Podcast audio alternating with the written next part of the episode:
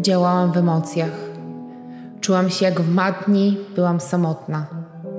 Nie mogłam się zwrócić ani do kochanej osoby, ani matki. Wszyscy się ode mnie odwrócili.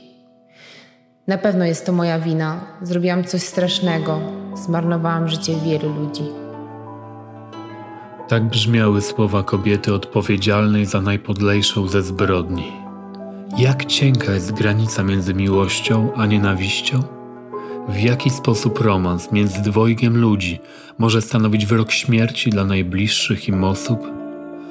Sygnatura. Zapraszamy na historię Marioli Myszkiewicz.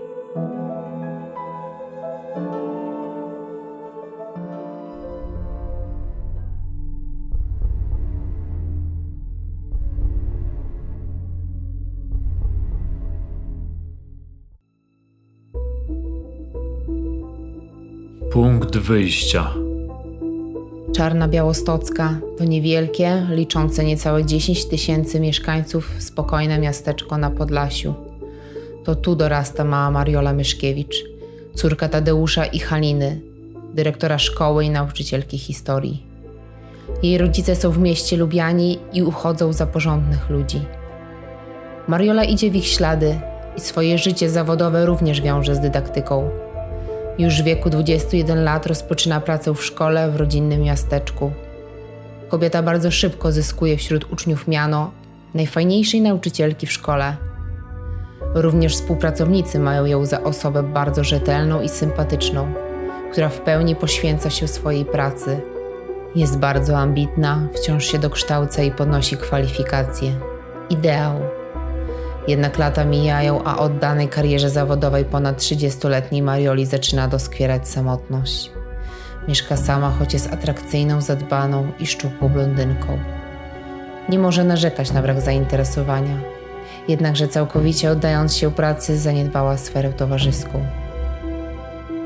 Wszystko się zmienia, kiedy w jej życiu pojawia się Jerzy, lokalny przedsiębiorca – 34-letnia wówczas Mariola poznaje mężczyznę na zajęciach sportowych w szkole i natychmiast wpadają sobie w oko. Elegancki i majętny biznesmen zostaje przewodniczącym Rady Rodziców, co sprzyja coraz częstszym spotkaniom.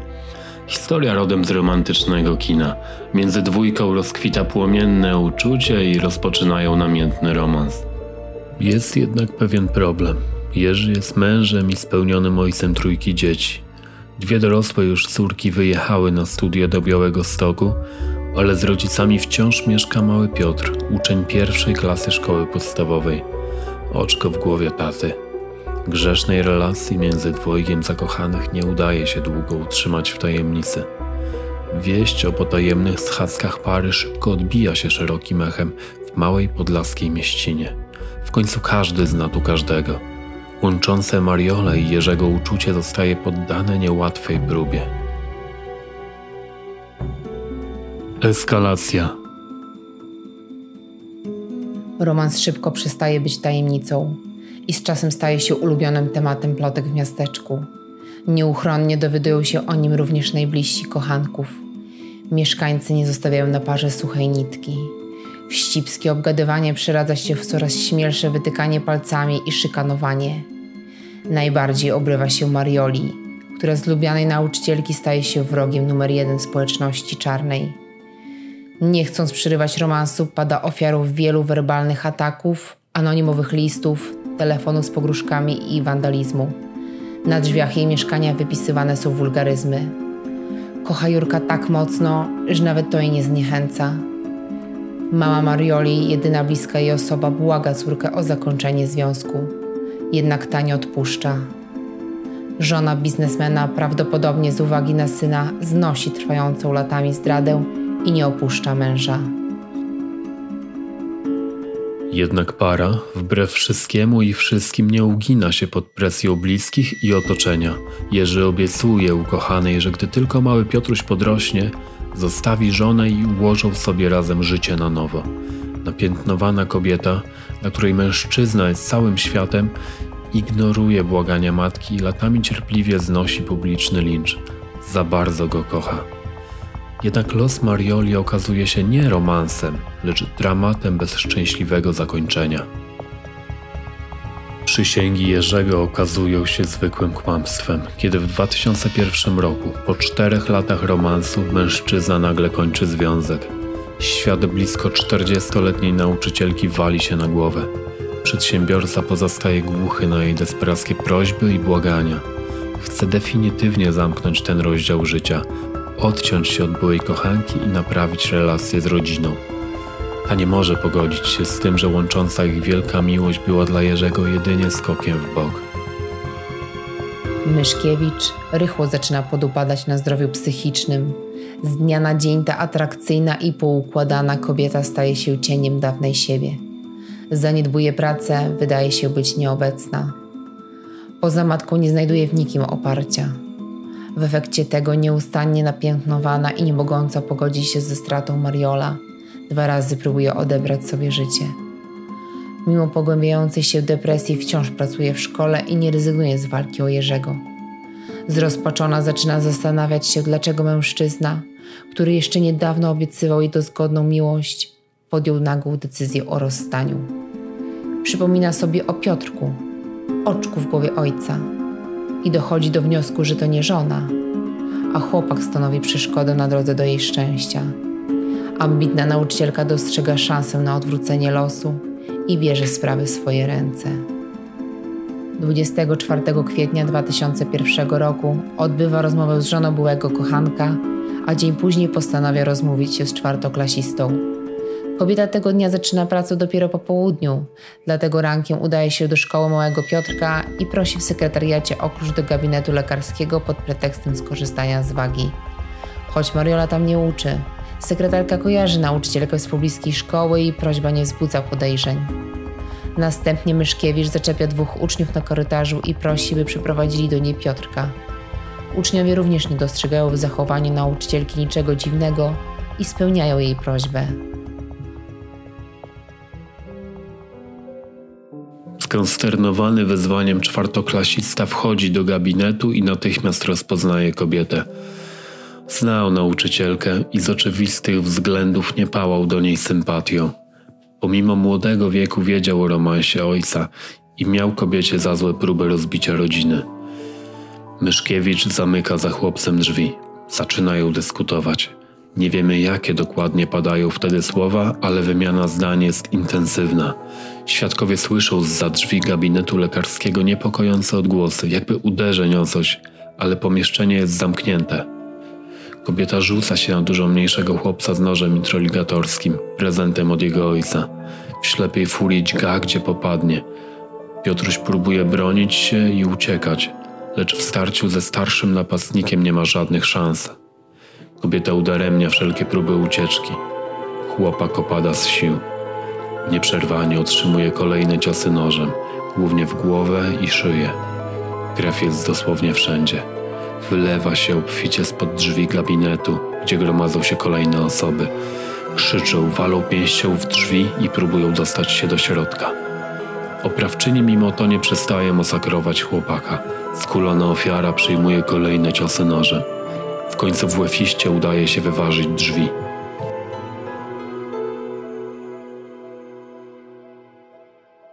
Zgromadzeni pod gabinetem są w szoku. Dopiero po chwili osłupienia dostrzegają skulonego i okaleczonego chłopaka. Widok jest potworny. Leżący w kałuży krwi uczeń ma podcięte gardło i liczne rany głowy. Mariola wykorzystuje zamieszanie i ucieka z gabinetu. Wybiega poza teren szkoły w nieznanym kierunku. Nikt nie zdąża jej zatrzymać. Chłopak jeszcze oddycha, ale wykrwawia się przed przyjazdem ambulansu. Przyjeżdża policja. Zdezorientowani uczniowie są ewakuowani bocznymi drzwiami. Pod szkołą gromadzą się gapie i spanikowani rodzice. Nawet WF-ista, uchodzący za niezłomnego mężczyznę, nie potrafił ukryć przerażenia. W osłupieniu, zakrywając rękoma twarz, opuszczał budynek, w którym doszło do tragedii. Widoku umierającego dziecka nie zapomni już nigdy. Media szybko podłapują temat i wkrótce o koszmarze chłopca z czarnej białostockiej mówi cała Polska – Miasto pustoszeje w strachu przed zbiegłą morderczynią. Nikt nie wie, gdzie jest ani co planuje. Rodzice chowają dzieci w domach. Początkowo mieszkańcy nie dają wiary, że ta najfajniejsza nauczycielka w szkole mogła zrobić coś takiego dziecku, co więcej w ich małym, spokojnym miasteczku. Sytuacja wydawała się początkowo kompletną abstrakcją, jakimś niesmacznym żartem. Jednak kiedy mieszkańcy zaczynają kojarzyć fakty, niedowierzanie szybko zmienia się w zbiorową wściekłość i chęć samosądu. Motyw staje się oczywisty. Oblicze Piotr Popławski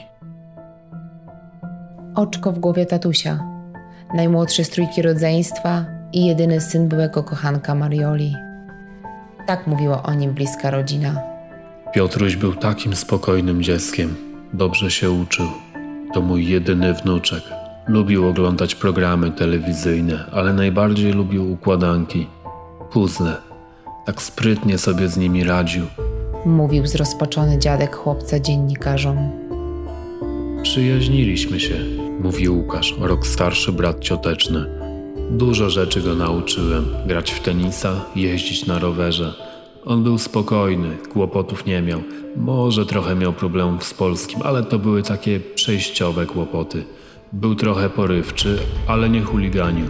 Z opinii rodziny wyłania się nam obraz normalnego chłopca choć z własnymi, typowymi dla tego wieku problemami. Jeden ze znajomych spoza rodziny Piotrka mówi jednak: Chodziłem kiedyś z nim na tańce. Potrafił przyjść do mego ojca, przytulać się i powiedzieć: Daj buziaka. To niespotykane, że dziecko prosi o takie rzeczy obcą mu osobę. Dopiero po czasie patrzę na to inaczej. Być może brakowało mu tego ojca. Choć nazywany przez Jerzego oczkiem w głowie, to przytoczone wyżej słowa sugerują, że obdarowywanemu prezentami dziecku mogło brakować ojcowskiej miłości. Typowy przykład rekompensowania braku czasu dobrami materialnymi. Do tego Piotrek miał zapewne ojcu za złe wieloletni romans, o którym mówiło całe miasto. Mariola Myszkiewicz. Najfajniejsza nauczycielka w szkole. Tak mówili o niej byli uczniowie. Miła, inteligentna i ambitna do swojej pracy podchodziła z dużym zaangażowaniem i zawsze starała się podnosić swoje nauczycielskie kompetencje. Była wychowawcą klas 1-3 szkoły podstawowej przy ulicy Szkolnej, tuż obok szkoły Piotrusia. Atrakcyjna blondynka, spokojna, z dobrej rodziny. Tak widzieli ją postronni. Komentarzy o przychylnym charakterze nie brakowało. Ówczesny dyrektor szkoły oświadczył, iż do pracy nauczycielki z 15-letnim doświadczeniem nigdy nie było zastrzeżeń. Podobną opinię przyjawiał podlaski wicekurator oświaty, którego zdaniem z akt nauczycielki nie wynikało, by mogła stanowić zagrożenie dla dzieci. Jednakże Barbara Górska, reporterka portalu RMF24 tuż po tragedii w rozmowie z uczniami Marioli dowiaduje się, jakoby oskarżona stosowała wobec swoich uczniów przemoc fizyczną.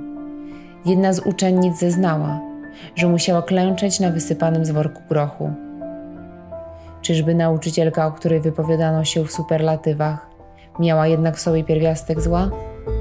Jeden z jej byłych uczniów przyznał, że budziła w nich respekt. Stwarzała wrażenie srogiej, charakternej kobiety.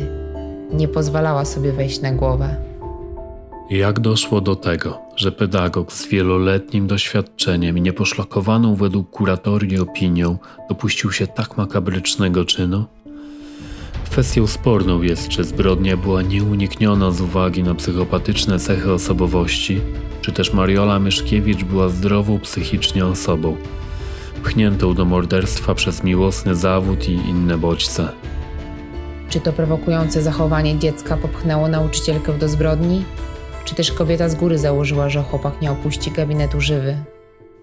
Możemy wyróżnić trzy koncepcje motywacji sprawczyni. Jeden Pragnienie usunięcia przeszkody, którą w jej mniemaniu stanowił chłopak. 2. Odwet na byłym kochanku za porzucenie. 3. Zabójstwo w afekcie. Za teorią przeszkody przemawia znaleziona w mieszkaniu sprawczyni wiadomość, w której według nieoficjalnych informacji pisała, że syn znanego w mieście biznesmena stał na drodze ich miłości. Do powzięcia decyzji o usunięciu z ich życia małego Piotrka miał przyczynić się stale pogarszający się stan psychiczny kobiety i wciąż powtarzane przez ojca słowa o tym, jak drogi był mu chłopiec. Według koncepcji zemsty, napisany wcześniej przez Myszkiewicz list do ojca chłopca zawierał groźby, że po tym co zamierza zrobić, jej kochankowi odechce się żyć. Świadczyć miało o tym kilka rzekomych zdarzeń. Po pierwsze, mówiło się, jakoby Mariola na dwa dni przed odebraniem jedenastolatkowi życia miała wypłacić wszystkie swoje oszczędności z banku i po zaplanowanym zabójstwie wyjechać za granicę. Drugim takim zdarzeniem miały być odwiedziny żony swego kochanka w przeddzień dokonania zbrodni. Według zeznań świadka rodziny Jerzego, kobieta zażądała mieszkania oraz umożliwienia wyjazdu do innego miasta. Teorię wzmacnia dodatkowo fakt posłużenia się otrzymanym od Jerzego nożem introligatorskim. Wybór takiego narzędzia zbrodni miał pogłębić cierpienie ojca. Trzecia z teorii mówi o zabójstwie w afekcie, popełnionym przez Mariolę po tym, jak w gabinecie, do którego został zaproszony chłopak, ten miał jej naubliżać za niegodziwy związek z ojcem i wyrządzone jego rodzinie krzywdy. Kobieta miała stracić panowanie nad sobą, co doprowadziło do ataku. Do tego dochodzą plotki, jakoby za wulgarne napisy na drzwiach jej mieszkania miała odpowiadać ofiara. Trudno zatem definitywnie wskazać jeden konkretny czynnik, który mógłby popchnąć sprawczynię do morderstwa. Z pewnością nie bez znaczenia było podupadające zdrowie psychiczne kobiety po rozstaniu z kochankiem i ostracyzm, z którym się spotkała. Do tego możemy dodać bierność otoczenia oraz jeśli uznamy teorię zabójstwa w afekcie za wiarygodną, rzekomą agresję słowną Piotra, która miała przypieczętować ostatecznie jego los. Każdą z przytoczonych teorii da się w jakiś sposób uargumentować, jednak za którą z nich opowie się sąd przy wyrokowaniu? Finał. Odpowiedzialnej za zbrodnię Marioli szuka 200 funkcjonariuszy. Wysłano za nią list gończy, a w prasie udostępniono rysopis. W poszukiwaniu sprawczyni przyczesywano pobliskie lasy Puszczy Knyszyńskiej, jednak bezskutecznie. Nie natrafiając na jej ślad, zaczęto podejrzewać, iż poszukiwana mogła odebrać sobie życie. W trakcie poszukiwań podejrzanej o zabójstwo Marioli, czarna białostocka pogrąża się nie tylko w smutku i żalu, ale i strachu przed nieobliczalną kobietą. Jak można zrobić coś takiego? Mówi kobieta stojąca przy sklepie, Sama jestem matką, ale nie wyobrażam sobie, co może czuć teraz mama Piotrka. To straszne. My tutaj wszyscy potrzebujemy jakiegoś psychologa. 27 kwietnia odbywa się pogrzeb zamordowanego chłopca, na którym gromadzi się kilka tysięcy osób. Brakuje jednak jednej, najważniejszej być może dla Piotrka osoby jego ojca. Mężczyzna bardzo źle znosi śmierć syna, ma z tego powodu problemy z sercem i nie może pożegnać chłopaka. Tuż przed tym, w nocy z 26 na 27 kwietnia 2001 roku, dwudniowa ucieczka morderczyni znajduje zakończenie w zakonie w podwarszawskich Markach. Stamtąd dzwoni do siostry i prosi o pomoc w podjęciu decyzji. Co dalej? Rozważa odebranie sobie życia bądź przyznanie się do winy i oddanie w ręce policji. Wybiera tę drugą możliwość – Wskazuje siostrze miejsce swego pobytu i zostaje zatrzymana przez funkcjonariuszy z Centralnego Biura Śledczego. Tuż po zatrzymaniu Mariola zostaje tymczasowo aresztowana. Według nieoficjalnych informacji w areszcie zostaje dotkliwie pobita i zapada w śpiączkę. Prokuratura w Białymstoku stawia jej zarzut zabójstwa ze szczególnym okrucieństwem, z motywów zasługujących na szczególne potępienie, za które grozi nawet dożywotnie pozbawienie wolności. W trakcie przeprowadzania czynności procesowych nauczycielka zostaje poddana badaniom psychiatrycznym, które potwierdzają, iż w trakcie dokonywania zbrodni była poczytalna. Częściowo utajniony proces oskarżonej rozpoczyna się w lipcu 2001 roku. W trakcie jego trwania prokurator zarzuca oskarżonej dokonanie zbrodni z chęci zemsty na byłym partnerze. Kobieta tak komentowała wydarzenia tego feralnego dnia. Działałam w emocjach Zdenerwował mnie. Czułam się jak w matni byłam samotna. Nie mogłam się zwrócić ani do kochanej osoby, ani matki. Wszyscy się ode mnie odwrócili. Mówiła wczoraj przed sądem Mariola Myszkiewicz. Na pewno jest to moja wina. Zrobiłam coś strasznego. Zmarnowałam życie wielu ludziom, ale nie planowałam tego. Adwokat oskarżonej wnioskował o zmianę kwalifikacji czynu. Uzasadniał to twierdzeniem, iż posądzona działała w afekcie, a śmierć dziecka to wynik nieporozumienia między dorosłymi. Obrona argumentowała swoje stanowisko wystąpieniem typowych cech morderstwa w afekcie brutalnością, nagłością oraz wielokrotnością i częstotliwością zadanych ofierze ciosów. Eksperci wypowiadający się na temat sprawy byli podobnego zdania. Podzielenie tego zdania przez sąd oznaczałoby maksymalnie dziesięcioletni wyrok pozbawienia wolności. Czy zauważyliśmy, Wysoki Sądzie, na tej sali choć cień skruchy ze strony oskarżonej, choć jedno łzę w jej oczach? Czy usłyszeliśmy, wybaczcie mi? Ja tego nie słyszałem. I sąd również, uważali oskarżyciele. Osoby komentujące proces podkreślały, iż Mariola była niezwykle opanowana, a na jej twarzy nie było widać żadnych uczuć, co mogło wiązać się z brakiem predyspozycji do ich okazywania. Według ekspertów uczestniczących w procesie, oskarżona zachowała się niezwykłą inteligencją, silną osobowością, wysoką samooceną oraz daleko posuniętym egocentryzmem. Wyrok uznający oskarżoną winną zarzuconych jej czynów zapada dnia 15 lutego 2002 roku w Sądzie Okręgowym w Białymstoku. Wymiar sprawiedliwości odrzuca w nim opinie psychologów i biegłych, określających działania jako podjęte w afekcie i przychyla się do żądań prokuratury. Uczyniła to z rozmysłem i pełną świadomością tego, co czyni, uznał sąd. Mariola decyzją sądu zostaje skazana na 25 lat pozbawienia wolności. Obrońca oskarżonej odwołuje się. Sąd drugiej instancji rozpatrując apelację stwierdza błąd. W wyroku nie uwzględniono przychylnych dla oskarżonej opinii biegłych, wedle których działała pod wpływem silnego wzburzenia. Pomimo uchybień wyrok zostaje jednak podtrzymany. 25 lat pozbawienia wolności z możliwością ubiegania się o zwolnienie po 15 latach. Nie było wątpliwości, że ta zbrodnia na długo pozostanie w pamięci całej społeczności. Pogrążeni w żalu rodzice postanawiają upamiętnić śmierć swojego dziecka. W budynku szkoły, nad gabinetem, w którym doszło do zabójstwa, bez zgody dyrekcji i władz samorządowych, umieszczają tablicę z napisem Dnia 25 kwietnia za tymi murami został zamordowany Piotruś Popławski, uczeń czwartej klasy. Pod drzwiami regularnie stają znicze i kwiaty. Tablica wywołuje sporo kontrowersji i polaryzuje społeczność. Zdaniem rodziców, uczniów bardziej straszy niż upamiętnia.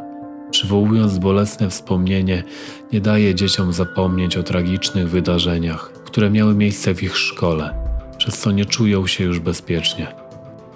To wołanie o pomoc, komentują jedni, inni oponują. Jak ojciec chciał uczcić pamięć syna, to powinien napisać, że Piotruś zginął śmiercią tragiczną, tak jak na cmentarzu. Ale nie to. Przecież tu dzieci codziennie chodzą. Szkoła w trosce o poczucie bezpieczeństwa uczniów zdjęła tablicę, którą nieustępliwi rodzice przenieśli na grób, w którym spoczął 11-letni Piotruś. O dalszych losach Marioli Myszkiewicz niewiele wiadomo. Kobieta nie miała w więzieniu łatwo. Mimo to była ponoć wzorową skazaną. Aktywnie zabiegała o przedterminowe zwolnienie. Obecnie nie mamy nawet pewności, czy dalej odbywa wyrok, czy może udało się jej uzyskać upragnione zwolnienie. Epilog Sprawa Marioli Myszkiewicz, jak wiele takich spraw, nasuwa przede wszystkim jedno pytanie: dlaczego? Wina kobiety nie podlega wątpliwości, ale czy Piotrusia nie zawiodło również najbliższe otoczenie? Podupadająca na zdrowiu psychicznym Mariola, zadręczona przez społeczność i po dwóch próbach samobójczych, dalej uczyła w szkole. Trudno uwierzyć, by nikt z kadry nauczycielskiej nie zauważył eskalujących problemów, a mimo to zabrakło jakiejkolwiek reakcji. Możemy śmiało założyć, że dzieci dawały znać rodzicom o dziwnym zachowaniu nauczycielki, lecz i oni nie podjęli żadnych działań. Ojciec tragicznie zmarłego chłopaka uwikłał się w czteroletni romans, o którym wiedział dosłownie każdy w miasteczku. Zarówno on, jak i jego kochanka byli z tego powodu napastowani. Cztery lata udręki ze strony niewielkiej, zamkniętej społeczności są w stanie skruszyć nawet najtwardszego człowieka. Czyż nie mogło przyczynić się to do podjęcia desperackiej decyzji przez mającą wsparcie tylko w matce Mariole? Rozpowszechniane w miasteczku plotki musiały zostawić swój ślad na wrażliwej psychice dorastającego dziecka. Czy Jerzy, nazywając w tej sytuacji swojego syna oczkiem w głowie, nie jest hipokrytą? Świadomie krzywdził rodzinę i dziecko wieloletnim romansem. Znając szkolne realia tamtych czasów, możemy domniemywać, że chłopczyk mógł być obiektem żartów i drwin z tego powodu. Dziwi też postawa żony Jerzego. Choć nie znamy szczegółów z ich życia rodzinnego, to czteroletnia bierność kobiety wobec publicznego romansu męża wydaje się być niezrozumiała. Niewątpliwe jej sytuacja była trudna, ale czy zignorowanie rodzinnego problemu na pewno było najlepszym, co dało się zrobić dla dziecka?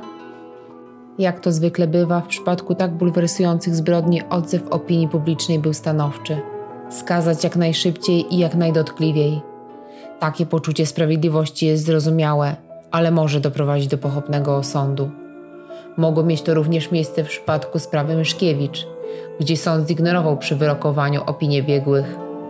Zastanówmy się, czyż nie jest tak, że społeczność przez lata ignorancji i gnębienia sama mogła stworzyć potwora, który doprowadził do śmierci niewinnego dziecka? A może popełnionej przez Mariolę Myszkiewicz zbrodni nie dało się zapobiec, gdyż jej psychika i zdolność odróżniania dobra od zła dawno uległy już wypaczeniu.